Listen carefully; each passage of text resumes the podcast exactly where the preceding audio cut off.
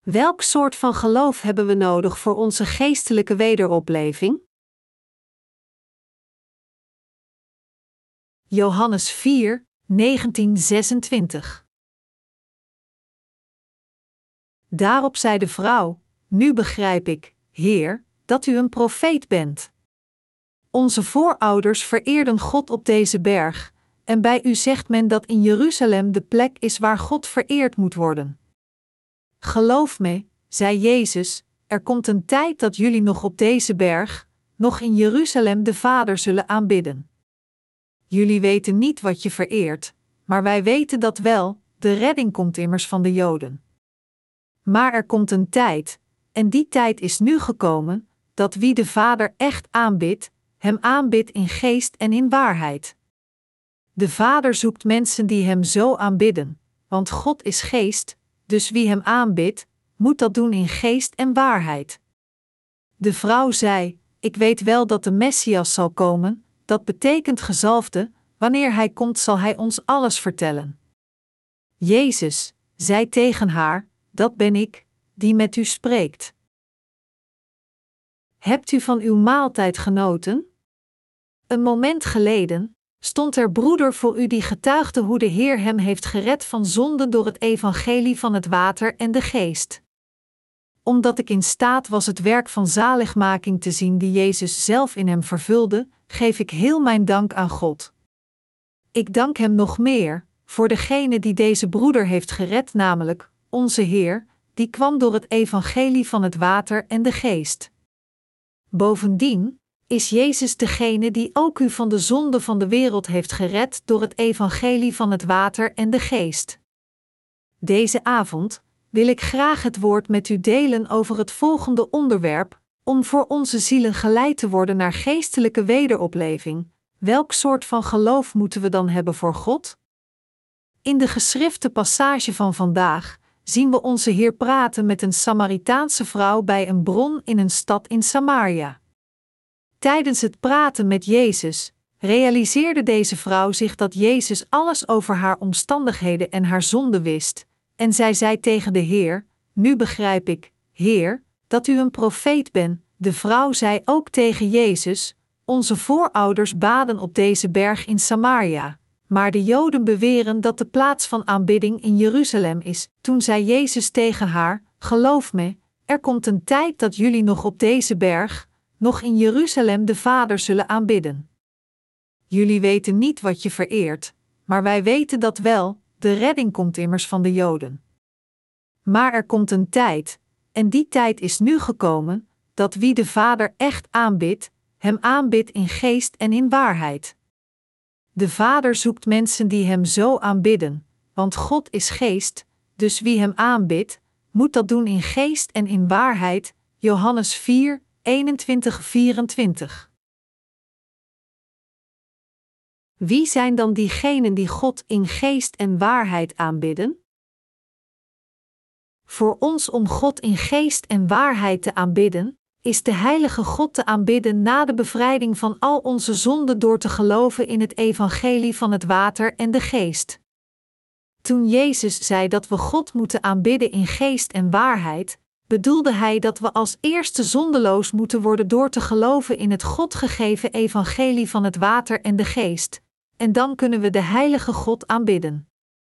Geestelijke aanbidding verwijst naar de eerlijkste aanbidding van de heiligen die geloven met hun hart in het evangelie van het water en de geest. Diegenen die God in geest en waarheid aanbidden, zijn diegenen die de vergeving van zonden hebben ontvangen in hun hart door te geloven in het evangelie van het water en de geest, en die God aanbidden na de ontvangst van de Heilige Geest. Gelooft u met uw hart in het evangelie van het water en de geest? Anders gezegd, gelooft u oprecht in het evangelie van het water en de geest waarmee Jezus Christus al uw zonden heeft weggewassen? Bent u bevrijd van al uw zonden door met heel uw hart te geloven in het evangelie van het water en de geest? God vertelde ons te geloven in de evangelische waarheid van het water en de geest en Hem in geest en waarheid te aanbidden. Zodat wij God in geest en waarheid kunnen aanbidden, moeten we verblijven bij diegenen die geloven in het God gegeven evangelie van het water en de geest. God zegt dat Hij zoekt naar mensen die een dergelijk geloof en samenkomsten hebben. Dus diegenen die God in geest en waarheid aanbidden, zoeken naar Zijn kerk. Hoewel we misschien ver verwijderd zijn van de kerk, kunnen we met Gods kerk, in onze harten en gedachten, verenigd zijn. Omdat het geloof voor ieder van ons hetzelfde is, kunnen we door literatuur ons geloof en harten met elkaar delen. Onze medewerkers over zee kunnen elkaar schrijven door e-mail of door brieven. God de Vader zoekt nu naar diegenen die de vergeving van zonden hebben ontvangen door te geloven in het evangelie van het water en de geest gegeven door Jezus, en die Hem aanbidden in geest en waarheid. De Samaritaanse vrouw wist dat de Messias naar deze aarde zou komen, en ze zei ook tegen de Heer dat als de Messias kwam, hij haar heel de waarheid zou vertellen. Jezus zei toen op dat moment tegen haar: Ik ben degene waar u over spreekt. Ik ben de Messias waar u op wacht. Hij zei tegen haar: Nu is de tijd dat u in geest en waarheid kunt aanbidden. We kunnen nu voor God komen en Hem in geest en waarheid aanbidden. Door te geloven in het evangelie van het water en de geest, dat God plezier doet, kunnen we bevrijd worden van al onze zonden en Hem in geest en waarheid aanbidden. God zei dat Hij de aanbidding geofferd door diegenen die een dergelijk geloof hebben en door hen verheerlijkt wordt zou accepteren. Als men God aanbidt door te geloven in het evangelie dat wij nu kennen en in geloven, dat is, het evangelie van het water en de geest, dan zal deze aanbidding God inderdaad bereiken en Hij zal het ook accepteren. En God zal al de geestelijke zegeningen aan deze mensen geven, en Hij zal hen in staat stellen het werk van de verspreiding van het evangelie op deze aarde te vervullen, dat heel de rechtvaardigheid van God vervult. Daarom moeten alle christenen die in Jezus geloven als hun verlosser als eerste nu de vergeving van zonde ontvangen, zodat zij dit soort van geestelijke aanbidding kunnen geven. Als zodanig moet u ook uw geloof nu zelf onderzoeken, om te kijken of u God inderdaad in geest en waarheid aanbidt. Zodat u een geestelijke wederopleving voor God hebt, moet u als eerste onderzoeken of u geestelijk gekwalificeerd bent de soort van aanbidding aan God te geven die met plezier wordt geaccepteerd. En u moet als eerste geloven in het evangelie van het water en de geest. Waarom? Omdat God aan ieder van ons vertelde, hem in geest en waarheid te aanbidden. Wij zijn alle in staat Gods kinderen te worden door te geloven in het evangelie van het water en de geest dat Hij aan ons heeft gegeven. Alle christenen proberen tegenwoordig de vergeving van zonde in hun harten te ontvangen door in Jezus als hun verlosser te geloven. Maar de meeste van hen kennen het evangelie van het water en de geest niet. Dit is omdat zij onwetend zijn over Gods plan van zaligmaking verstopt in het Oude en Nieuwe Testament. Hoe werden dan de mensen van Israël gered van hun zonde in het tijdperk van het Oude Testament? De Israëlieten werden gereinigd van hun zonden door samen te komen in de tabernakel. Er was een huis van God in Israël waar de mensen konden samenkomen om gereinigd te worden van hun zonde voor God. Daar, offerden diegenen die erkenden dat zij hadden gezondigd voor God, offerdieren aan Hem. Nu, ook in tijdperk, is er een plaats waar mensen God geestelijk aanbidden door te geloven in het evangelische woord van het water en de geest. Het is een samenkomst van de familie van God die een is geworden door te geloven in het evangelie van het water en de geest. Die plaats is Gods kerk. In het tijdperk van het Oude Testament als een van de mensen van Israël een zonde had gepleegd, dan kon hij een offerdier naar de tabernakel brengen. Hij gaf zijn zonden door, door het opleggen van handen op het hoofd, tapte het bloed af en gaf dit aan de priester. De priester strijkt met zijn vinger wat bloed van het offerdier aan de horens van het brandofferaltaar. De rest van het bloed giet hij uit aan de voet van het altaar. Al het vet moet hij verwijderen, zoals ook met het vet van het vredeoffer gedaan wordt, en hij moet het op het altaar verbranden als een geurige gave die de Heer behaagt. Zo volstrekt de priester voor de persoon in kwestie de verzoeningsrieten en krijgt deze vergeving, Leviticus 4, 30, 31. Dit was de zondeoffering van het offersysteem. De Israëlieten ontvingen de vergeving van zonden door een dergelijk offer. Om de vergeving van zonde te ontvangen, moesten zij hun zonde voor God beleiden, zeggend: God, ik heb met anderen gevochten, ik heb gestolen en ik heb allerlei soorten van zonde gepleegd. Hierna moesten zij hun handen op het hoofd van het offerdier leggen en hun zonde aan het doorgeven. Alleen zo konden deze zonden worden doorgegeven aan het hoofd van het offerdier. Dus, het was door hun handen op een schaap of geit zonder gebreken te leggen dat de mensen van het Oude Testament hun zonde konden doorgegeven. In het Oude Testament werden de zonden van de mensen doorgegeven door het opleggen van handen op het offer. Dit is de methode van zaligmaking gevestigd door God, Leviticus 1, 1, 4 en 4, 2039. Het hele offersysteem uit het Oude Testament is een afschaduwing van het evangelie van het water en de geest dat de Heer heeft gegeven in het Nieuwe Testament. Al de offerrituelen uit het Oude Testament was een afschaduwing van het evangelie van het water en de geest waar het Nieuwe Testament over spreekt. Laat ons hier als eerste onderzoeken hoe de mensen van Israël in het Oude Testament de vergeving van zonde ontvingen. Deze wereld is verdeeld in twee tijdperken. Een is het tijdperk voor de komst van Jezus, en de andere is het tijdperk na zijn komst. De tijd voordat Jezus naar deze aarde kwam wordt het tijdperk van het Oude Testament genoemd. En de tijd volgend op de vervulling van Jezus, ambt van zaligmaking, dat wil zeggen, nadat hij naar deze wereld kwam, het doopsel ontving en stierf aan het kruis om al de zonden van de wereld uit te wissen, en door ons mensen te redden door weer van de dood te verrijzen, wordt het tijdperk van het Nieuwe Testament genoemd. De geschiedenis van de mensheid is ook in twee tijden verdeeld: voor de komst van Jezus op deze aarde en na zijn komst. Nu is het tijdperk van het Nieuwe Testament, waar het 2005 jaren is geleden dat Jezus naar deze aarde kwam. De meeste landen gebruiken een CHR, Anno Domini, Griekse woorden die betekenen in het jaar van onze Heer, als basis voor hun kalender. Landen over de hele wereld gebruiken deze kalender, van de Filipijnen tot Amerika, van Thailand tot Noord-Korea, van China tot zelfs de Eskimo's. Niemand kan vergeving worden van zonden door zijn eigen pogingen, ongeacht hoe hard hij dit ook probeert. De vergeving van zonden voor de mensheid wordt vervuld als men gelooft in het evangelie van het water en de geest dat de Heer ons gegeven heeft.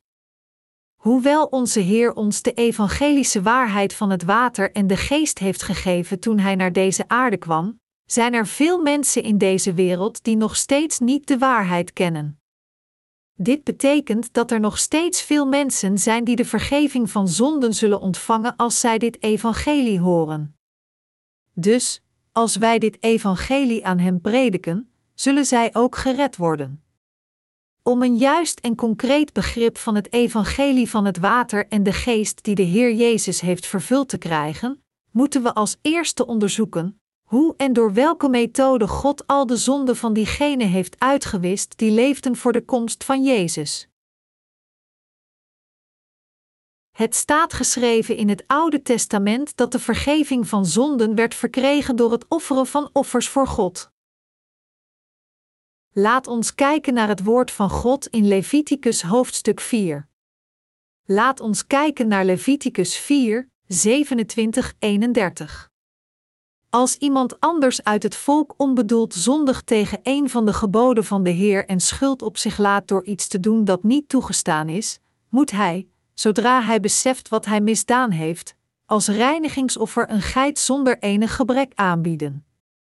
Hij moet zijn hand op de kop van het dier leggen en het slachten op de plaats waar de dieren voor het brandoffer geslacht worden. De priester strijkt met zijn vinger wat bloed van het offerdier aan de horens van het brandofferaltaar. De rest van het bloed giet hij uit aan de voet van het altaar. al het vet moet hij verwijderen, zoals ook met het vet van het vredeoffer gedaan wordt, en hij moet het op het altaar verbranden als een geurige gave die de Heer behaagt. Zo voltrekt de priester voor de persoon in kwestie de verzoeningsrieten en krijgt deze vergeving. Zo offerden de mensen uit het Oude Testament offers aan God voor hun zonden. God is heilig. Dus, om Zijn heiligheid aan iedereen bekend te maken, gaf God het woord van de wet aan ons mensen, om ons in staat te stellen onze zonden te beseffen. Laat ons als eerste onze zonden onderzoeken door de tien geboden. De Heer gaf tien statuten aan ieder van ons: vereer naast mij geen andere goden. Maak geen godenbeelden. Misbruik de naam van de Heer, uw God niet. Houd de sabbat in ere. Toon eerbied voor uw vader en uw moeder. Pleeg geen moord. Pleeg geen overspel. Stiel niet. Leg over een ander geen valse getuigenis af. Zet uw zinnen niet op het huis van een ander en evenmin op zijn vrouw. Exodus 20, 3:17. De eerste vier statuten zijn vereisten die de menselijke wezens moeten houden naar God, en de overgebleven zes statuten zijn vereisten die gehouden moeten worden tussen de medemensen. God zei dat als de Israëlieten zijn wet overtraden, en als zij hun zonden voor God realiseerden, dan om te worden gereinigd van hun zonden, moesten zij een offerdier voor het brandofferaltaar brengen, hun handen op het hoofd van het offerdier zonder gebreken leggen. De zonden zouden dan worden doorgegeven aan het offerdier. God vertelde ook tegen het volk van Israël dat na het doorgeven van hun zonde door het opleggen van handen op het hoofd van hun offerdier, zij het dier moesten doden, bloed moesten aftappen en dit aan de priester geven. De priester moest dan dit bloed op de horens van het brandofferaltaar smeren.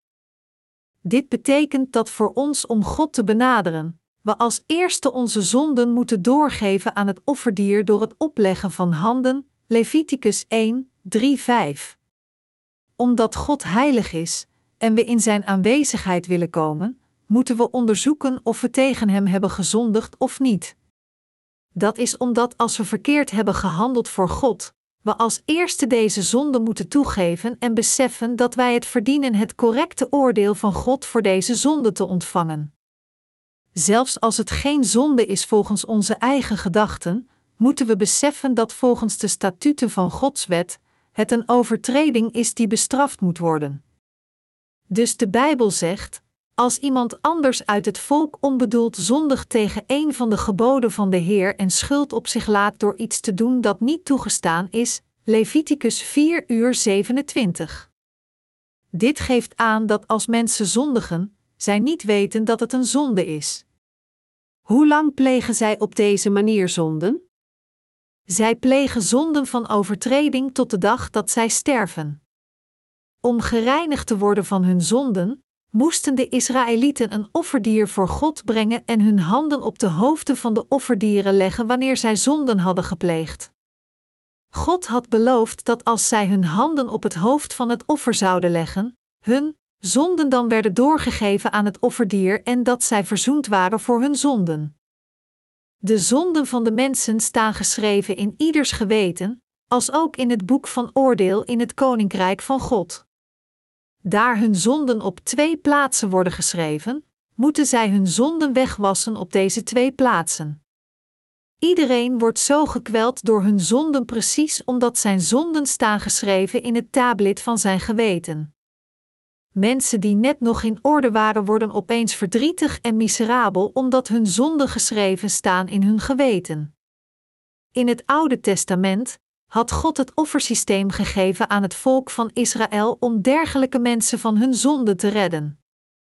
Als een Israëliet een offerdier bracht, zijn hadden op het hoofd legde en beleidde: Heer, ik heb die en die zonde gepleegd, dan volgens het God gegeven offersysteem werden de zonden op het tablet van zijn geweten doorgegeven aan het offerdier.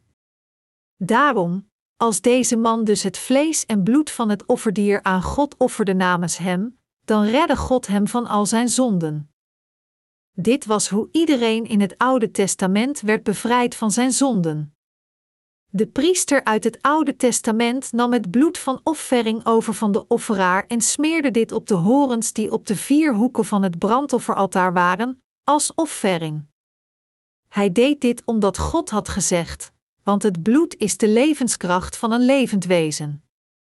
Ik heb het jullie gegeven om er op het altaar de verzoeningsrieten mee te voltrekken, want bloed kan, als levenskracht, verzoening bewerken. Leviticus 17 uur 11. En er wordt ook gezegd: volgens de wet wordt inderdaad vrijwel alles met bloed gereinigd, want als er geen bloed wordt uitgegoten, vindt er geen vergeving plaats. Hebreeën 9 uur 22. Het leven wordt gevonden in het bloed. Dat het bloed van het offer op de horens van het brandofferaltaar moest worden gesmeerd, betekent dat het offerdier de zonde van de offeraar droeg en heel het loon afbetaalde. Dus, de offerdieren uit het Oude Testament lieten hun levens om de zonde van de Israëlieten te dragen. Deze dieren accepteerden hun zonde namens hen en stierven in hun plaats. Met andere woorden, iedere zondaar uit het Oude Testament moest zijn zonde doorgegeven aan een offerdier door het opleggen van handen op zijn hoofd, zijn keel doorsnijden, het bloed opvangen en dit aan de priester geven. De priester smeerde dan iets van het bloed op de horens van het brandofferaltaar en goot het overige bloed op de grond, snee het vlees in stukken, legde het vlees en het vet in het vuur van het brandofferaltaar en offerde dit aan God. Alleen dan accepteerde God dit offer. Door dit offersysteem van de tabernakel had God een manier gegeven om het probleem van zonde voor heel de mensheid op te lossen. God kan niet gewoon tegen ons zeggen: Hebt u zonden gepleegd? Nou, dan zal ik gewoon met mijn lippen verklaren dat deze zonden niet langer bestaan. Dat komt omdat God rechtvaardig en eerlijk is. Dus, om de zonden van de mensheid uit te wissen, moesten deze zonden worden doorgegeven aan een offerdier zonder gebreken, en zijn leven moest worden geofferd. Alleen als iemands zonden correct werden bestraft met de prijs van het leven van het dier, kan hij zeggen dat het oordeel van zonde inderdaad is geëindigd en dat deze persoon de vergeving van zonde heeft ontvangen. De Koreanen zijn zo vergevend dat als iemand iets verkeerd doet, zij geneigd zijn dit te tolereren en gewoon zeggen: Het is oké, maar je hier geen zorgen over. Wij Koreanen vergeven alles vanuit onze natuur. Maar kan ware vergeving verkregen worden voor God op deze manier? Tenzij u het loon van de zonde afbetaalt voor God, kan er geen ware vergeving verkregen worden. God is rechtvaardig. Hij is compleet eerlijk. Omdat God, de God van beiden is, van liefde en rechtvaardigheid, om de zonden van de mensheid perfect in overeenstemming met deze twee vereisten van liefde en rechtvaardigheid te geven, heeft Hij het offersysteem gevestigd. Hij liet de mensen hun zonde doorgegeven aan het hoofd van het offerdier, en dit dier vermoorde zonder gebreken volgens de wet. Het is omdat God van de mensheid houdt dat Hij een rechtvaardig offer accepteert door het doorgeven van zonde aan het offerdier, het te vermoorden en te verbranden. En in de tijd van het Oude Testament maakte God diegene die geloofde in dit rechtvaardige offer zondeloos. De mensen uit het Oude Testament pleegden herhaaldelijk dag na dag zonden, gedurende hun hele leven. Hoeveel zonden plegen mensen in een dag? Als iemand s'morgens een zonde pleegde door een andere man te vervloeken, moest hij een van zijn schapen of geiten naar de tabernakel brengen en het offer van verzoening geven. Maar laat ons zeggen dat deze man, terwijl hij terugkeerde naar huis na zijn offering, een mooie vrouw tegenkwam en naar haar verlangde in zijn hart. Dit zou betekenen dat hij weer een zonde had gepleegd. Hij moest dan weer een offerdier brengen. Dus de mensen van Israël uit het tijdperk van het Oude Testament fokten vee zoals stieren, schapen en geiten om hun zonde mee uit te wissen. Zij fokten veel vee om als offerdier te offeren voor God, eerder dan ze te eten. Maar sinds zij alle iedere dag zonde pleegden, kon er ooit een eind komen aan het offer van verzoening? Dus onze menselijke zwakheden kennende, stond God de Israëlieten toe, in het tijdperk van het Oude Testament, om een offer per jaar te offeren, terwijl in het tijdperk van het Nieuwe Testament, Jezus Christus het offer van zaligmaking werd dat voor eens en altijd al de zonde van de mensheid voor eeuwig uitwiste. Dit offer van zaligmaking dat Jezus gaf aan ons staat geschreven in het Evangelie van het Water en de Geest. De Heer is de meester van het Evangelie van het Water en de Geest. Het offer op de grote verzoendag geofferd door de hoge priester. In het tijdperk van het Oude Testament offerde de hoge priester een keer per jaar, op de tiende dag van de zevende maand, om de jaarlijkse zonde van het volk van Israël uit te wissen. Dit was het offer van de grote verzoendag. Laat ons kijken naar Leviticus 16, 29, 34. De volgende bepaling blijft voor jullie voor altijd van kracht. De tiende dag van de zevende maand moeten jullie onthouding doorbrengen en je mag dan geen enkele bezigheid verrichten, geboren Israëlieten evenmin als de vreemdelingen die bij jullie wonen. Want op die dag wordt voor jullie de verzoeningsrieten voltrokken, opdat jullie van al je zonden gereinigd worden en de Heer weer rein tegemoet kunnen treden.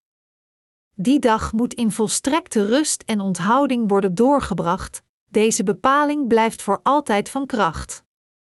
De priester die gezalfd is en tot opvolger van zijn vader is aangesteld, zal dan de verzoeningsrieten voltrekken. Gehuld in zijn heilige linnen kleding moet hij de verzoeningsrieten voltrekken aan de heilige ruimte in het heiligdom, en ook aan de voorste deel van de ontmoetingstent en aan het altaar. Zo bewerkt hij verzoening voor de priesters en de hele gemeenschap. Deze bepaling blijft voor jullie voor altijd van kracht. Eenmaal per jaar moet voor de Israëlieten verzoening bewerkt worden voor al hun zonden. Mozes deed wat de Heer hem had opgedragen. Aaron was de eerste hoge priester van Israël, en om verzoening te geven aan het volk van Israël een keer per jaar, gaf hij hun zonden door aan het offerdier door het opleggen van handen op zijn hoofd. De verlossing wordt vervuld wanneer iemands zonden worden doorgegeven aan een offer en worden daarmee verzoend. God heeft de tiende dag van de zevende maand als de dag van het uitwissen van de jaarlijkse zonde van het volk van Israël ingevoerd. Op deze dag, namens het hele volk, gaf de hoge priester hun jaarlijkse zonde door aan het offerdier, tapte zijn bloed af, nam dit bloed mee naar het Allerheiligste, besprenkelde dit bloed op de verzoeningsplaat van de ark en verbrandde het vlees. Laat ons kijken naar Leviticus 16, 6, 15. De stier biedt Aaron aan als reinigingsoffer namens zichzelf, om voor zichzelf en zijn familie verzoening te bewerken. De beide bokken moet hij naar de ingang van de ontmoetingstent brengen, en daar, ten overstaan van de Heer, moet hij door loting vaststellen welke bok bestemd is voor de Heer en welke voor Azazel. De bok die door het lot voor de Heer bestemd is, moet hij als reinigingsoffer opdragen. De bok die door het lot bestemd is voor Azazel moet levend voor de Heer blijven staan om verzoening mee te bewerken, en daarna de woestijn in worden gestuurd naar Azazel.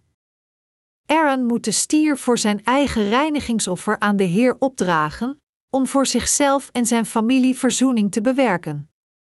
Hij moet de stier slachten en een vuurbak vullen met gloeiende houtskool van het altaar dat bij de ingang van de ontmoetingstent staat. Hij moet twee handen fijngestand geurig reukwerk nemen en dat alles naar de heilige ruimte achter het voorhangsel brengen. Daar moet hij het reukwerk ten overstaan van de Heer op het vuur leggen, opdat de wolk van het reukwerk de verzoeningsplaat op de ark met de verbondstekst aan het ook onttrekt, anders sterft hij. Hij moet met zijn vinger wat bloed van de stier op de verzoeningsplaat sprenkelen en zevenmaal wat bloed op de grond ervoor. Daarna moet hij de bok voor het reinigingsoffer van het volk slachten en het bloed naar de heilige ruimte achter het voorhangsel brengen. Met het bloed moet hij hetzelfde doen als met het bloed van de stier. Hij moet het op de verzoeningsplaat en op de grond ervoor sprenkelen. Voordat de hoge priester de jaarlijkse zonde van de Israëlieten aan het offerdier namens hen kon doorgegeven, moest hij en zijn familie als eerste de vergeving van zonde ontvangen. Dus de hoge priester nam als eerste een stier als zijn offerdier en gaf zijn zonden en die van zijn huishouding door aan de stier door het opleggen van handen op zijn hoofd. En dan na het dier te doden, nam hij het bloed mee naar het Allerheiligste en sprenkelde het bloed op de verzoeningsplaat en voor de ark van verbond. Dus, hij offerde een zondeoffering.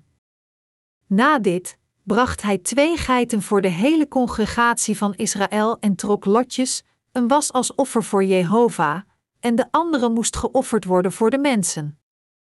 Aaron beleidde als eerste de zonde van de Israëlieten door het opleggen van handen op het offerdier die geofferd werd aan God, sneed zijn keel door, tapte het bloed af, nam het bloed mee naar het Allerheiligste en sprenkelde het bloed zeven keer voor de verzoeningsplaat.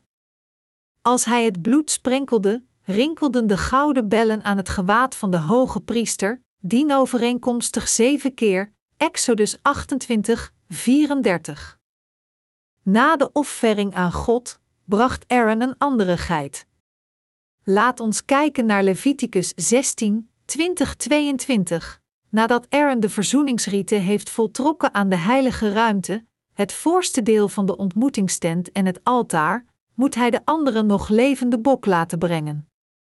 Hij legt dan zijn beide handen op de kop van de bok en spreekt alle wandaden en vergrijpen van de Israëlieten openlijk uit, alle zonden die ze hebben begaan. Zo legt hij alle zonden op de kop van de bok. Daarna moet hij het dier de woestijn insturen, onder de hoede van iemand die daarvoor is aangewezen. De bok neemt alle zonden van het volk met zich mee naar een verlaten gebied. Omdat Aaron het eerste offer in het huis van God had geofferd, konden het volk van Israël niet zien wat er binnen gebeurde, ondanks dat zij kort bij het huis van God stonden. Het linnen hekwerk van het binnenplein van de tabernakel was 2,5 meter hoog. De meeste mensen konden niet over dit hek kijken.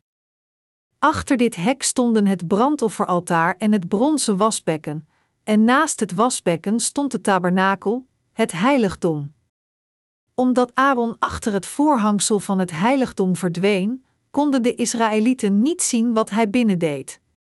Er was een ander kleiner huis in de tabernakel, dus het volk van Israël konde niet zien wat Aaron op dat moment deed. Zij hoorden alleen het geluid van de gouden bellen zeven keer rinkelen, en dat was de enige manier waarop zij beseften: ah, het eerste offer voor onze zonden werd geofferd aan God. Het volk van Israël wachtte buiten, een Aaron bracht een andere geit, legde zijn handen erop terwijl zij stonden te kijken. Vers 21 zegt: Hij legt dan zijn beide handen op de kop van de bok en spreekt alle wandaden en vergrijpen van de Israëlieten openlijk uit, alle zonden die ze hebben begaan. Zo legt hij alle zonden op de kop van de bok. Daarna moet hij het dier de woestijn insturen, onder de hoede van iemand die daarvoor is aangewezen. Alle wandaden verwijzen hier naar iedere zonde. Zij verwijzen naar de jaarlijkse zonden die het volk van Israël had gepleegd vanuit hun zwakheden, bewust of onbewust. Aaron beleidde al de jaarlijkse zonden en overtredingen van de Israëlieten, zeggend: Heer, het volk van Israël heeft overspel, moord en diefstallen gepleegd. Zij hebben gefaald hun ouders te eren, zij hebben tegen u gestaan, en zij hebben vreemde dingen gedaan. Na de beleidenis van hun zonden, nam Aaron zijn handen van het hoofd van de geit af. De geit werd niet meteen gedood nadat Aaron zijn handen ervan afnam. Wat zei ik dat er gebeurde toen Aaron zijn handen op het offer legde? De jaarlijkse zonden van de Israëlieten werden doorgegeven aan het hoofd van de geit. Het opleggen van handen betekent iets doorgeven. Toen Aaron, als de vertegenwoordiger van het volk van Israël, zijn handen op het hoofd van de geit legde en beleidde: Het volk van Israël heeft die en die zonde gepleegd, werden hun jaarlijkse zonden doorgegeven aan de geit. Na het doorgeven van de zonde aan de geit, gaf Ern de geit aan iemand anders die het de woestijn in leidde. Deze man nam de geit mee naar een waterloos en droog gebied en liet het daarachter. De geit zwierf rond in de woestijn tot zijn dood terwijl het al hun overtredingen en zonden droeg. Waarom stierf deze geit? Dat is omdat de geit de jaarlijkse zonde gepleegd door het volk van Israël accepteerde. De Bijbel zegt: Het loon van de zonde is de dood, maar het geschenk van God is het eeuwige leven in Christus Jezus, onze Heer. Romeinen 6 uur 23. Dit betekent dat hoewel de liefde gevonden in Jezus Christus ons het eeuwige leven en de zaligmaking brengt, de zonde nooit getolereerd wordt voor God te zij betaald met de prijs van een leven. Het loon van de zonde is de dood. God hield van het volk van Israël, maar omdat hij hen niet kon omarmen terwijl zij vol zonde zaten, nam hij hun zonde weg door deze door te geven aan de geit. God doodde deze geit namens hun door zijn liefde voor hen. Dat is wat het offer op de grote verzoendag betekent. Dit is hoe de Israëlieten werden verzoend voor hun zonden door hun offering aan God. Maar als de grote verzoendag voorbij was, pleegden de Israëlieten dan niet opnieuw zonden? Pleegde het volk van Israël niet opnieuw zonden, nadat zij het offer op de grote verzoendag hadden geofferd? Zij offerden aan God omdat zij iedere dag zonde plegen, maar velen van hen waren teleurgesteld en moe om dat iedere dag te doen. Hoe meer iemand trouw offers bracht voor zijn zonden, hoe groter zijn teleurstelling werd. Dus sommige Israëlieten gaven het op iedere dag offers te brengen, bij zichzelf denkend: als de tiende dag van de zevende maand komt, dan los ik dit probleem van zonde in een keer op. Het volk van Israël wachtte zelf die ene dag af om voor al hun jaarlijkse zonden met een jaarlijks offer te verzoenen. En het was aan Aaron de hoge priester om het offer op de tiende dag van de zevende maand te offeren.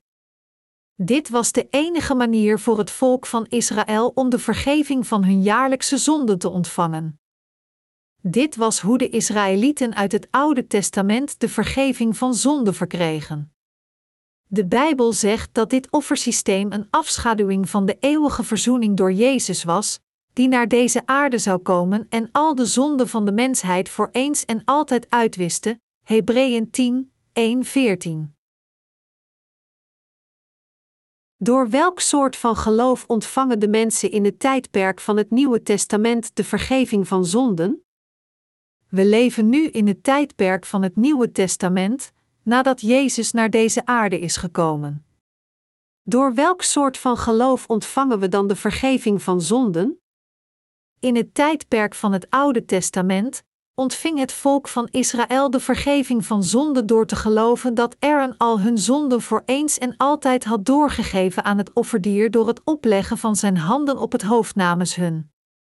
In het tijdperk van het Nieuw Testament wordt de vergeving van zonde verkregen door te geloven dat al de zonden van deze wereld werden doorgegeven aan Jezus voor eens en altijd toen Johannes de Doper, die de gelijke rol als Aaron vervulde, Jezus doopte in de vorm van het opleggen van handen. Met andere woorden, het is door te geloven in het evangelie van het water en de geest, de waarheid, dat men bevrijd wordt van al zijn zonden, zodat men het koninkrijk van God kan binnengaan. De Samaritaanse vrouw waar we vandaag over gelezen hebben, zei ook: Ik weet dat de Messias komt. Maar wat zei Jezus tegen haar? Hij vertelde haar dat hij degene was waar zij over sprak. Anders gezegd, de vergeving van zonden wordt verkregen door te geloven dat Jezus kwam als de Messias, al onze zonden accepteerde door zijn doopsel, en heel het loon van onze zonde afbetaalde door zijn bloed te vergieten en te sterven aan het kruis. Laat ons kijken naar Matthäus 3, 13, 17. Toen kwam Jezus vanuit Galilea naar de Jordaan om door Johannes gedoopt te worden. Maar Johannes probeerde hem tegen te houden met de woorden: Ik zou door u gedoopt moeten worden, en dan komt u naar mij? Jezus antwoordde: Laat het nu maar gebeuren, want het is goed dat we op deze manier Gods gerechtigheid vervullen. Toen stemde Johannes ermee in. Zodra Jezus gedoopt was en uit het water omhoog kwam, opende de hemel zich voor hem en zag hij hoe de geest van God als een duif op hem neerdaalde. En uit de hemel klonk een stem: Dit is mijn geliefde zoon, in hem vind ik vreugde. Jezus incarneerde en werd geboren door het lichaam van de maagd Maria. En in overeenstemming met dat wat de engel Gabriel had gezegd, werd hij Jezus genoemd. Zoals Matthäus 1 uur 21 zegt, ze zal een zoon baren. Geef hem de naam Jezus, want hij zal zijn volk bevrijden van hun zonden. De naam Jezus betekent de Verlosser. Jezus is Gods zoon en God zelf die het universum en aller daarin maakte. Maar omdat de mens, die God schiep, aan de zonde verviel en de rechtvaardige veroordeling van zonde moest dragen, kwam hij naar ons, incarneerde in het vlees van de mens om ons zijn schepsel van onze zonde te bevrijden. Toen Jezus dertig jaar werd op deze aarde, wilde hij gedoopt worden door Johannes de Doper. De reden waarom Jezus werd gedoopt door Johannes de Doper wordt hier uitgelegd. Matthäus 3 uur 14 zegt: Maar Johannes probeerde hem tegen te houden met de woorden: Ik zou door u gedoopt moeten worden, en dan komt u naar mij? Wie was hier Johannes? Hij was een afstammeling van Aaron. De hoge priester werkte alleen tussen de leeftijd van 30 en 50 jaar. Als de hoge priester 50 jaar werd, nam hij afscheid van zijn priesterschap. En als hij zijn priesterschap had doorgegeven aan zijn zoon door zijn handen op hem te leggen, begon deze zoon te werken als de nieuwe hoge priester om het volk van Israël te vertegenwoordigen. En als deze hoge priester 50 jaar werd, dan gaf hij het priesterschap door aan zijn zoon. Het ambt van het hoge priesterschap werd van generatie op generatie doorgegeven tot het uiteindelijk stopte bij de man genaamd Johannes de Doper. Het was God die Johannes de Doper naar deze aarde had gestuurd en hem tot de vertegenwoordiger van de mensheid maakte. We kunnen dit zien door naar de stamboom van Johannes de Doper te kijken en door wat Jezus over deze man zei. De vader van Johannes de Doper was Zacharias. Zoals beschreven in Lucas, was Zacharias een afstammeling van Aaron en een priester van de afdeling Abia, een van de kleinkinderen van Aaron, Lucas 1, 5 en 1 Kronieken 24, 1, 10. De reden waarom Jezus hier door Johannes de Doper gedoopt wilde worden, is omdat hij de vertegenwoordiger van de mensheid was en de laatste hoge priester uit het Oude Testament. Dus het was Johannes de Doper die de zonde van deze wereld aan Jezus doorgaf door hem te dopen. Waarom kwam Jezus naar de rivier de Jordaan? Hij ging naar Johannes de Doper om onze zonden te accepteren, net zoals de zondebok uit het Oude Testament. Dit is waarom Jezus gedoopt wilde worden door Johannes de Doper in de rivier de Jordaan, en waarom Johannes de Doper Jezus moest dopen. Maar toen Jezus onverwacht verscheen en tegen Johannes de Doper zei: Doop mij, herkende Johannes de Doper wie Jezus was, en daarom zei hij: Hoe kan ik u dopen, als ik door u gedoopt moet worden? Hier kunnen we zien dat de plicht van Johannes de Doper anders is dan die van Jezus Christus. Wie is de grootste van deze twee? Jezus Christus, de Zoon van God die kwam als de Verlosser van de mensheid, of Johannes de Doper de grootste van alle mensen? Is het niet de Zoon van God die het grootste is? Maar Jezus boog zijn hoofd gewillig voor Johannes de Doper en zei tegen hem: Laat het nu maar gebeuren, want het is goed dat we op deze manier Gods gerechtigheid vervullen. Matthäus 3 uur 15. Jezus bedoelde te zeggen: U moet mij dopen om al de zonden van iedereen in deze wereld aan mij door te geven ik moet het verzoenoffer van deze zonde worden, en u nu, als de afstammeling van Aaron, moet de zonde van de mensheid voor eens en altijd aan mij doorgeven door uw handen op mijn hoofd te leggen. Als u mij doopt en ik door u gedoopt word, dan kan ik de mensheid van hun zonden en hun veroordeling redden. Dus moet u het nu toestaan. Iedereen in deze wereld heeft zonde gepleegd, en alle mensen zondigen tot de dag van hun dood. Het volk van Israël bracht de offerdieren naar God voor hun zonden en schuld, en de mensen uit het Nieuwe Testament moeten ook offerdieren naar God de Vader brengen voor hun zonden en schuld, hun handen op het hoofd van het offerdier leggen en geloven dat het offer al hun zonde droeg. Alleen dan kunt u gereinigd worden van al uw zonden. Iedereen pleegt zonden vanaf zijn geboorte tot zijn dood. Eerlijk gezegd voor God, hebben we allemaal zonde in onze levens gepleegd tot nu toe, we zondigen zelfs nu, en we zullen in de toekomst blijven zondigen zelfs als we honderd jaar worden. Zullen wij niet opnieuw zonde plegen? Natuurlijk zullen wij weer zonde plegen. Zijn wij niet allemaal gebrekkig?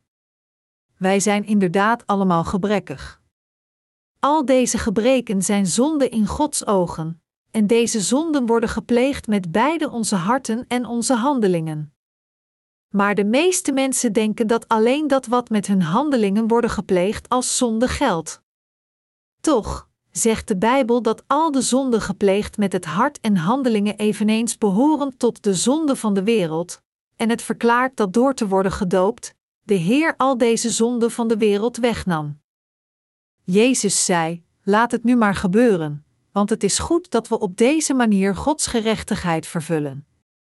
Zeggend tegen Johannes de Doper om hem toe te staan om te worden gedoopt, legde Jezus de reden uit waarom hij gedoopt moest worden. De Heer zei: Het is gepast dat u de zonde aan mij doorgeeft door uw handen op het mij te leggen en mij te dopen, en voor mij om de mensheid door de ontvangst van dit doopsel te redden, de zonde te accepteren en gekruisigd te worden tot de dood. U moet mij daarom dopen, en ik moet door u gedoopt worden. Jezus werd gedoopt door Johannes de Doper op dezelfde manier als het opleggen van handen. Het was op dat moment dat hij al de zonden van de wereld voor eeuwig op zich nam. Dat is waarom hij naar het kruis kon gaan en het offerlam voor de zonde van de mensheid werd. Dat is hoe Jezus werd gedoopt door Johannes de Doper. Tegenwoordig worden de mensen gereinigd van hun zonde en bevrijd van de veroordeling van deze zonde door te geloven dat Jezus de zonde van deze wereld droeg door te worden gedoopt door Johannes de Doper, en dat hij de veroordeling van zonden verzoende door te worden gekruisigd. Daarom, diegenen die geloven in Jezus zijn gedoopt in de naam van God de Vader, de Zoon en de Heilige Geest. Het ware doopsel moet ontvangen worden na te geloven in het evangelie van het water en de geest. Het doopsel door onderdompeling, waarbij de handen op het hoofd worden gelegd en zijn lichaam volledig onder water gaat, is het correcte doopsel. Het doopsel door uitgieten, maar het water in een schaal zit en wordt besprenkeld, is een verkorte vorm van doopsel. Doopsel wordt ook uitgevoerd door het opleggen van handen op iemand zijn hoofd, en dit verwijst naar het opleggen van handen uit het Oude Testament. Dat Johannes de Doper zijn handen op het hoofd van Jezus legde was om de zonde van deze wereld aan Jezus door te geven, dat Jezus onder water ging met de handen van Johannes de Doper op zijn hoofd bevestigt de dood van de Heer, en dat hij weer omhoog kwam uit het water betekent zijn verrijzenis. Het woord doopsel bevat de geestelijke betekenis zoals te worden gereinigd, te worden begraven, te worden overgedragen en door te geven aan. Wij mensen plegen zonden tijdens ons hele leven. Echter, Jezus werd gedoopt door Johannes de Doper. Toen Jezus gedoopt werd door Johannes de Doper, werden de zonden van de wereld aan hem doorgegeven. Alle zonden van de mensen werden doorgegeven aan Jezus. Zijn de zonden in uw harten dan weggewassen of niet? Zij zijn alle weggewassen. Dus, als u gelooft dat Jezus werd gedoopt om al u en mijn zonden te accepteren, dan worden de zonden in uw harten nu meteen weggewassen. Hoewel u God en ook de mens onrecht heeft aangedaan, worden uw zonden weggewassen als u gelooft. Al deze zonden werden al doorgegeven aan Jezus toen hij werd gedoopt. Heer, ik geloof dit. U bent mijn verlosser. Het is door geloof dat uw zonden worden gereinigd. Dit is waarom, toen Jezus uit het water kwam na zijn doopsel, God de Vader zei dat Jezus zijn geliefde zonde was, waar hij vreugde in vond. Jezus is de Zoon van God, en volgens de wil van God de Vader heeft hij al de zonden van de mensheid geaccepteerd door Johannes de Doper, de vertegenwoordiger van de mensheid. God de Vader wilde niet dat iedereen zijn handen op zijn zoon Jezus zou leggen. Want voor iedereen in de wereld om zijn handen op Jezus te leggen, dan, zou hij nog steeds leven op deze aarde en zou hij niet naar het kruis kunnen gaan. Ze zeggen dat de huidige wereldpopulatie ongeveer 6,5 miljard is, en ik heb daar een beetje mee zitten rekenen. Als al deze mensen in een rij staan en ieder van hen hun handen op Jezus zouden leggen voor maar een seconde, dan zou het ongeveer 206 jaar duren. Gezien dit feit, is het onmogelijk voor ieder van ons zijn handen individueel op Jezus te leggen om onze zonde door te geven. Dus, in plaats van dit te doen, liet Jezus wijselijk een vertegenwoordiger van de mensheid opstaan, en door zijn doopsel van deze vertegenwoordiger van de mensheid te ontvangen in de vorm van het opleggen van handen, accepteerde hij al de zonden van de mensheid voor eens en altijd. Het is door zijn doopsel dat Jezus al de zonden van de wereld voor eens en altijd accepteerde. Jezus is het Lam van God die de zonde van de wereld droeg, en Hij is de Verlosser van de mensheid die de zonde droeg en zijn kostbare bloed vergoot. Laat ons hier naar het woord van God kijken. Johannes 1 uur 29 zegt: De volgende dag zag hij Jezus naar zich toe komen, en hij zei: Daar is het Lam van God, dat de zonde van de wereld wegneemt. Omdat Jezus zijn doopsel van Johannes de Doper had ontvangen, was hij nu volgens God, de zondebok die de zonde van de wereld had geaccepteerd en moest sterven. Jezus droeg de zonde van de wereld. Net zoals de zondebok de jaarlijkse zonde van al de Israëlieten in het tijdperk van het Oude Testament had gedragen, toen Jezus gedoopt werd, accepteerde hij al de zonde van de wereld en vervulde alles perfect voor ons, en daarom droeg hij nu de zonde van de wereld. Al de zonden ooit gepleegd tot de dag dat deze planeet verdwijnt, zijn de zonden van de wereld. Met andere woorden, iedere zonde gepleegd vanaf de wieg tot het graf, vanaf het moment dat iemand wordt geboren tot het moment dat hij wordt begraven, behoren tot de zonde van de wereld. Sinds Jezus de zonde van de wereld droeg, waren de zonden van uw ouders ook inbegrepen, of niet? Natuurlijk waren ze dat. Hoe zit het met de zonden van uw kinderen? Waren zij ook inbegrepen? Zij waren allemaal inbegrepen. Hoe zit het met de zonden die u pleegde in het verre verleden? Ook deze zonden waren inbegrepen. Werden deze zonden ook aan Jezus doorgegeven? Inderdaad, zij werden alle aan Jezus doorgegeven. Kortom, Jezus nam al onze zonden voor eens en altijd weg, zelfs de zonden die u zult plegen in de toekomst. En omdat God niet alleen van u houdt, maar van iedereen op deze planeet, accepteerde Hij al de zonden van de mensheid voor eens en altijd. Jezus heeft het mogelijk gemaakt voor iedereen om te worden gered als zij in Hem geloven als hun Verlosser. Dit is de wonderbaarlijke liefde van Gods zaligmaking voorbereid voor ons. De volgende dag nadat hij Jezus gedoopt had, zei Johannes de Doper: Daar is het Lam van God, dat de zonden van de wereld wegneemt. Johannes 1 uur 29. Jezus was het Lam van God geworden.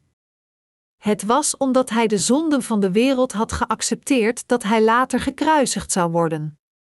Werden de zonden van de wereld doorgegeven aan Jezus toen hij gedoopt werd, of werden zij dat niet? Natuurlijk werden ze dat. Sinds de zonden van de wereld werden doorgegeven aan Jezus, en sinds het loon van de zonde de dood is, moest Jezus dan sterven of niet? Hij moest sterven.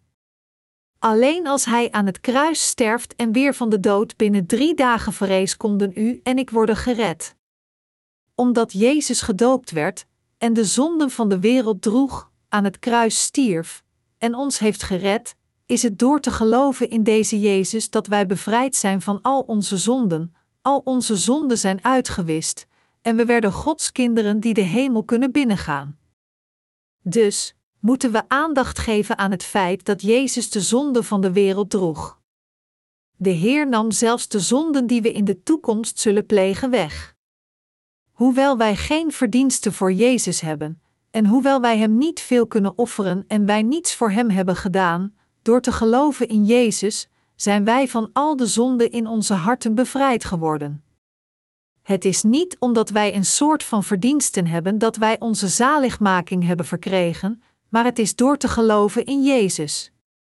U en ik hebben de rechtvaardigheid bereikt door met onze harten te geloven in Jezus, want wat Hij voor ons heeft gedaan vormt onze volmaakte zaligmaking. Dit is hoe de zaligmaking aan ons is gegeven. Na het overnemen van al u en mijn zonden door zijn doopsel, waar ging Jezus naartoe, de zonden van de wereld dragend? Laat ons kijken naar het woord. Johannes 19, 17, 18 zegt: Hij droeg zelf het kruis naar de zogeheten schedelplaats, in het Hebreeuws Golgotha. Daar kruisigden ze hem, met twee anderen, aan weerskanten één, en Jezus in het midden. Jezus werd gekruisigd. Waarom moest Jezus gekruisigd worden? Dat was omdat hij de zonden van de wereld door zijn doopsel had geaccepteerd. Jezus moest zijn lichaam aan het kruis opgeven omdat het loon van de zonde de dood is. Dat is waarom hij werd gekruisigd met zijn voeten aan handen. En hierdoor werd al het bloed in zijn hart vergoten. Waarom gebeurde dit? Omdat Jezus al u en mijn zonden had geaccepteerd door te worden gedoopt, werd hij voor deze zonde veroordeeld. Dit is waarom hij werd gekruisigd. Johannes 19, 28, 30 zegt verder: Toen wist Jezus dat alles was volbracht, en om de schrift geheel in vervulling te laten gaan, zei hij: Ik heb dorst. Er stond daar een vat water met azijn. Ze staken er een majoraantak met een spons in en brachten die naar zijn mond. Nadat Jezus ervan gedronken had, zei hij: Het is volbracht. Hij boog zijn hoofd en gaf de geest. Mijn medegelovigen, toen Jezus stierf aan het kruis, zei hij: Het is volbracht. Hij was naar deze aarde gekomen om ons zondeloos maken, en hij volbracht dit werk door te worden gedoopt door Johannes de Doper en zijn bloed tot de dood aan het kruis te vergieten. Laat ons hier kijken naar Hebreeën 10, 5, 18. Daarom zegt Christus bij zijn komst in de wereld: Offers en gaven hebt u niet verlangd, maar u hebt mij een lichaam gegeven, brand- en reinigingsoffers behaagden u niet. Toen heb ik gezegd: Hier ben ik, want dit staat in de boekrol over mij geschreven ik ben gekomen, God, om uw wil te doen. Eerst zegt hij: Offers en gaven hebt u niet verlangd, brand- en reinigingsoffers behaagden u niet, daarmee bedoelt hij de offers die volgens de wet worden gebracht. Dan zegt hij: Hier ben ik, ik ben gekomen om uw wil te doen, waarmee hij het eerste opheft om het tweede van kracht te doen zijn. Op grond van die wil zijn wij voor eens en altijd geheiligd, door het offer van het lichaam van Jezus Christus. De priesters blijven dagelijks hun dienst verrichten en steeds opnieuw dezelfde offers opdragen die de zonde nooit teniet zullen kunnen doen, terwijl hij, na zijn eenmalig offer voor de zonden, voorgoed zijn plaats aan Gods rechterhand heeft ingenomen, waar hij wacht op het moment dat zijn vijanden voor hem tot een bank voor zijn voeten zijn gemaakt. Door deze ene offergave heeft Hij hen die zich door Hem laten heiligen voor goed tot volmaaktheid gebracht. Hiervan legt ook de Heilige Geest voor ons getuigenis af, want eerst staat er: Dit is het verbond dat ik na die tijd met het volk van Israël zal sluiten, spreekt de Heer. In hun hart zal ik mijn wetten leggen, in hun verstand zal ik ze neerschrijven, en even verder staat er: Aan de zonde en hun wetteloosheid zal ik niet meer denken. Waar dat alles vergeven is, daar is geen offer voor de zonde meer nodig. Mijn medegelovigen, God zei hier in Hebreeën 10, 16, 18: Dit is het verbond dat ik na die tijd met het volk van Israël zal sluiten, spreekt de Heer, in hun hart zal ik mijn wetten leggen, in hun verstand zal ik ze neerschrijven, en even verder staat er: Aan hun zonden en hun wetteloosheid zal ik niet meer denken. Waar dat alles vergeven is, daar is geen offer voor de zonde meer nodig. Waarom zei God dit? De Heer zei dit om uit te leggen dat nadat Hij naar deze aarde kwam en onze zaligmaking tot perfectie vervulde door zijn doopsel en kruis, God met ons een verbond sloot, belovend dat voor ons die geloven in het evangelie van het water en de geest, Hij zijn wet van zaligmaking in onze harten zou plaatsen. God zei ook dat Hij zich onze zonden en onze wetteloosheid niet meer zou herinneren. Waarom? Omdat ik al uw zonden heb uitgewist. Toen ik dertig jaar werd nadat ik geboren was op deze aarde, nam ik toen niet al uw zonden over? Staat dat hier niet geschreven? De Bijbel vertelt wat ik volbracht toen ik naar deze aarde kwam. Heeft u dit niet gezien en gehoord? Aan diegenen die hierin geloven, heeft God een nieuwe wet in hun harten gegeven. De Heer herinnert zich geen van onze zonden. Waarom? Omdat toen Hij naar deze aarde kwam, Hij al onze zonden accepteerde door te worden gedoopt door Johannes de Doper, veroordeeld werd tot de dood aan het kruis, weer in drie dagen van de dood verrees, en nu aan de rechterhand van de troon van God zit, omdat Hij onze Verlosser is geworden. En omdat Hij al onze zonden heeft uitgewist, Hij heeft deze zonden ook uitgewist omdat Zijn gelovigen nog steeds zwak zijn. Dit is waarom God zegt dat Hij zich niet langer onze zonden herinnert. Gelooft u hierin, mijn medegelovigen? God zei ook in vers 18: Waar dat alles vergeven is, daar is geen offer voor de zonde meer nodig. Dit betekent dat God de zonde van de wereld heeft weggenomen. Net zoals de jaarlijkse zonden van het volk van Israël werden doorgegeven aan de zondebok door het opleggen van handen van de hoge priester in het Oude Testament, toen Jezus gedoopt werd op deze aarde, nam hij voor eeuwig al deze zonden op zichzelf. Begrijpt u dit? Bent u een persoon die of een dier? Jezus nam geen dierlijke zonden over. Maar Jezus droeg al de zonden van alle menselijke wezens, ongeacht of zij blank of zwart zijn, jong of oud, een boeddhist, moslim of Confuciaans. Jezus nam al de zonden van ieder van uw voorvaderen op zich. Ik weet niet hoe ver onze stamboom teruggaat en hoe lang hij nog zal voortduren tot het einde van de wereld, maar niettemin schouderde Jezus al de zonden van ons huis. Dit is waarom Jezus de verlosser van de mensheid is. Hij is de verlosser van iedereen. Hebt u dan nog zonden? Nee, er zijn geen zonden. Is het mogelijk dat uw zonden nog steeds bestaan? Nee, dat is onmogelijk. Laat ons hier kijken naar Hebreeën 10, 19, 22. Broeders en zusters, dankzij het bloed van Jezus kunnen we zonder schroom binnengaan in het heiligdom, omdat Hij voor ons met zijn lichaam een weg naar een nieuw leven gebaand heeft, door het voorhangsel heen. We hebben nu een hoge priester die dienst doet in het huis van God.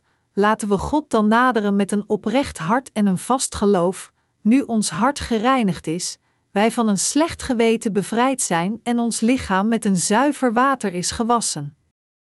Door te geloven in het doopsel dat Jezus ontving toen hij naar deze aarde kwam, verkrijgen wij de moed om de heilige hemel waar God verblijft binnen te gaan dankzij het bloed van Jezus.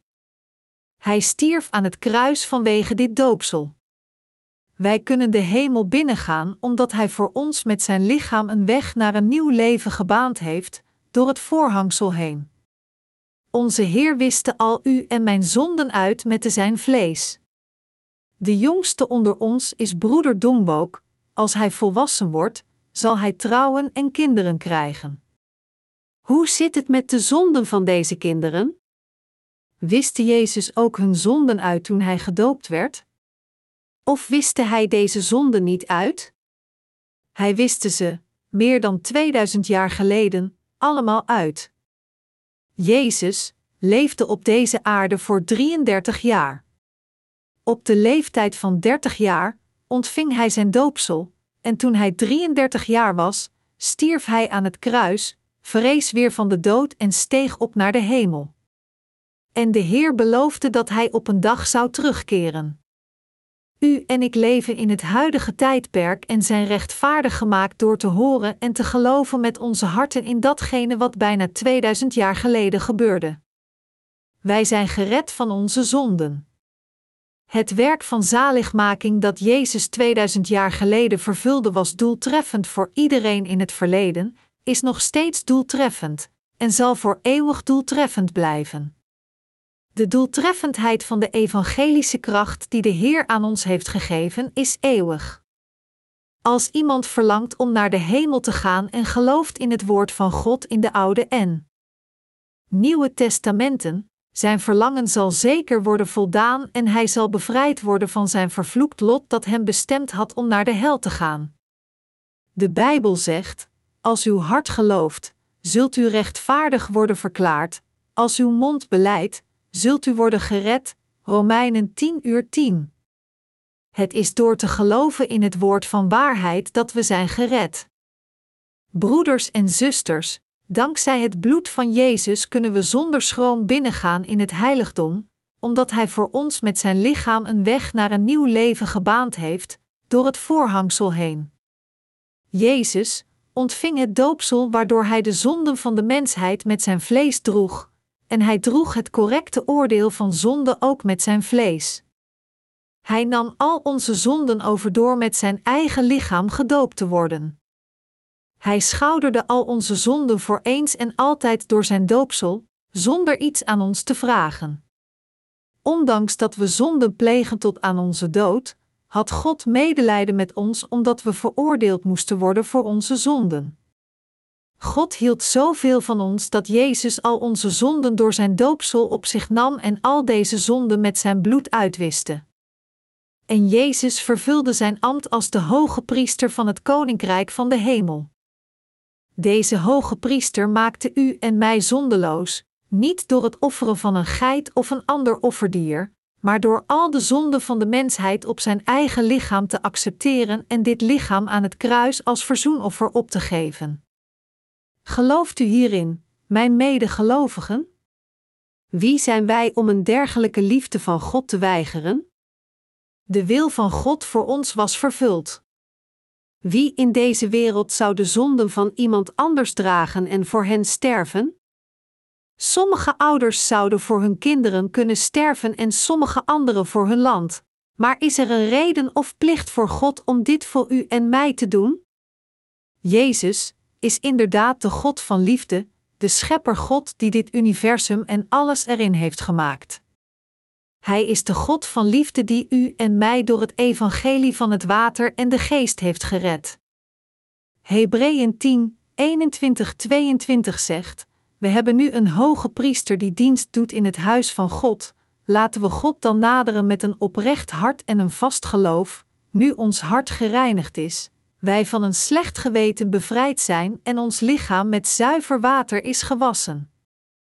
Mijn medegelovigen, Hadden wij niet allemaal voorheen zonden? Wij hadden allemaal zonden. Niemand van ons had God opzettelijk belasterd. Of, bij nader inzien, hebben sommige van ons dat wel gedaan. Als u door een grote ramp was getroffen die u compleet ongelukkig en ellende had gemaakt, zou u God dan niet hebben beschuldigd? Nog niet zo lang geleden werd New Orleans in de Verenigde Staten compleet verwoest door een grote wervelstorm. Zouden niet sommige van de mensen die hun huizen hadden verloren God hebben vervloekt en hun vingers naar Hem gewezen hebben? Dit zijn allemaal zonden. Ieder van ons had zonden, en we zouden allemaal onvermijdelijk naar de hel zijn gegaan. Maar ondanks dit, heeft de Heer niet onze lichamen en harten met zuiver water gewassen? Heeft Hij niet al onze zonden voor eens en altijd uitgewist door te worden gedoopt? Hij heeft hen allemaal uitgewist. Door zijn doopsel heeft Jezus al onze zonden voor eens en altijd geaccepteerd. Voor diegenen die hierin geloven, zijn hun lichamen met zuiver water gewassen, en daarom kunnen zij nu met een oprecht hart in volle overtuiging van geloof bij God komen. Ondanks dat we geen verdiensten hebben, kunnen we nog steeds naar God toe gaan, beleidend: Heer, alles dat ik ooit heb gedaan is alleen zonde gepleegd. En ik ben onwetend. Ik heb geprobeerd niet te zondigen, maar ik zondigde opnieuw. Maar u droeg deze zonden ook. U hebt al deze dingen van mij gedaan, en daarom zeg ik dank u. Ik kan u niet genoeg bedanken, Heer. Net zo zijn we nu in staat voor de aanwezigheid van God te staan met een oprecht hart in volle overtuiging van geloof. Bent u allen niet dankbaar voor dit? Is het niet zo dat u nu de hemel kunt binnengaan? Wordt uw hart hier niet vrolijk van? Geestelijke wederopleving ontplooit zich wanneer u de vergeving van uw zonden ontvangt en in de waarheid gelooft. De Heer nam u en mijn zonden op zich toen hij werd gedoopt. Hij droeg deze zonden van de wereld naar het kruis en werd voor hen veroordeeld. Hij verrees daarna weer van de dood. Jezus zelf zei toen: Het is volbracht. Hij zei dat hij zich onze zonden en onze wetteloze daden niet meer zou herinneren. Hij zei ook: Waar dat alles vergeven is, daar is geen offer voor de zonde meer nodig. Jezus heeft ons tot perfectie gered, zodat wij niet langer veroordeeld worden voor onze zonden nog in de hel worden gegooid. Het is door te geloven in het evangelie van het water en de geest dat we God in geest en de waarheid aanbidden. Als u en ik geloven met onze harten dat al onze zonden werden doorgegeven aan Jezus toen Hij gedoopt werd, dan hebben we geen zonde meer in onze harten. Zij er zonden achtergebleven in uw harten? Nee, er zijn er geen achtergebleven. Als we oprecht geloven, dan hebben onze harten geen zonde meer. Sinds we geen zonden hebben, hebben we nu de Heilige Geest. En God accepteert onze aanbidding omdat het woord van waarheid en de Heilige Geest zich nu in onze harten bevinden. God accepteert de aanbidding gegeven door diegenen die Hem Abba, Vader, noemen, dat wil zeggen, door diegenen die de vergeving van zonde van Hem hebben ontvangen. God accepteert de aanbidding gegeven in geest en waarheid door mensen zoals ons die vandaag luisteren naar deze waarheid met hun oren, het kennen en erin geloven met onze harten. Niets anders dan dit is geestelijke wederopleving. Als iemand de vergeving van zonde in zijn hart ontvangt en een rechtvaardig persoon wordt, wordt zijn hart verblijd, en hij hoeft zich geen zorgen meer te maken ongeacht wanneer zijn dood ook komt. Het is in dergelijke harten van mensen dat de geestelijke wederopleving vereist. Men kan de hemel door geloof binnengaan. U gaat naar de hemel door te geloven dat Jezus al de zonden van uw hele leven accepteerde door voor u te worden gedoopt toen hij naar deze aarde kwam, door te geloven dat hij namens u veroordeeld werd aan het kruis, en door in uw hart te accepteren en te geloven dat deze Jezus uw God van zaligmaking is. God heeft u en mijn hart gezegend, door het in staat te stellen Hem in geest en waarheid te aanbidden. U moet als eerste een zondeloos persoon worden door geloof, en dan God in geest en waarheid aanbidden gebaseerd op Zijn woord. En u moet een dergelijke geestelijke wederopleving in de harten van de mensen oproepen, en hen helpen om ook door geloof naar de hemel te gaan. God wordt door dergelijke mensen verblijd, en niemand anders dan u en ik zijn deze mensen. Gelooft u in dit, mijn medegelovigen? Bent u God dankbaar, of hebt u het gevoel dat er weinig is om Hem dankbaar voor te zijn? U zult God alle danken. Ik, geloof net zoals u had de Heer niet mijn zonde uitgewist, dan zou ik lang geleden in deze wereld vernietigd zijn. De Heer heeft mij gered, mijn hart is geestelijk wedergeboren, ik ben deze waarheid aan anderen aan het prediken, en voor al deze dingen ben ik God dankbaar. De wedergeboren dienaren van God en zijn mensen hebben zijn genade aangedaan. God zoekt naar diegenen die in geest en waarheid aanbidden, en die dergelijke mensen zijn geworden die in geest en waarheid aanbidden. Ik geef heel mijn dank aan God, die voor eeuwig de waarheid is. Ik geef mijn dank aan hen, wetend en gelovend dat het evangelie van het water en de geest zijn geschenk is. Zodat onze harten een oprecht geestelijke wederopleving hebben, moeten we de zaligmaking die de Heer ons gegeven heeft koesteren. We moeten alle in deze zaligmaking geloven.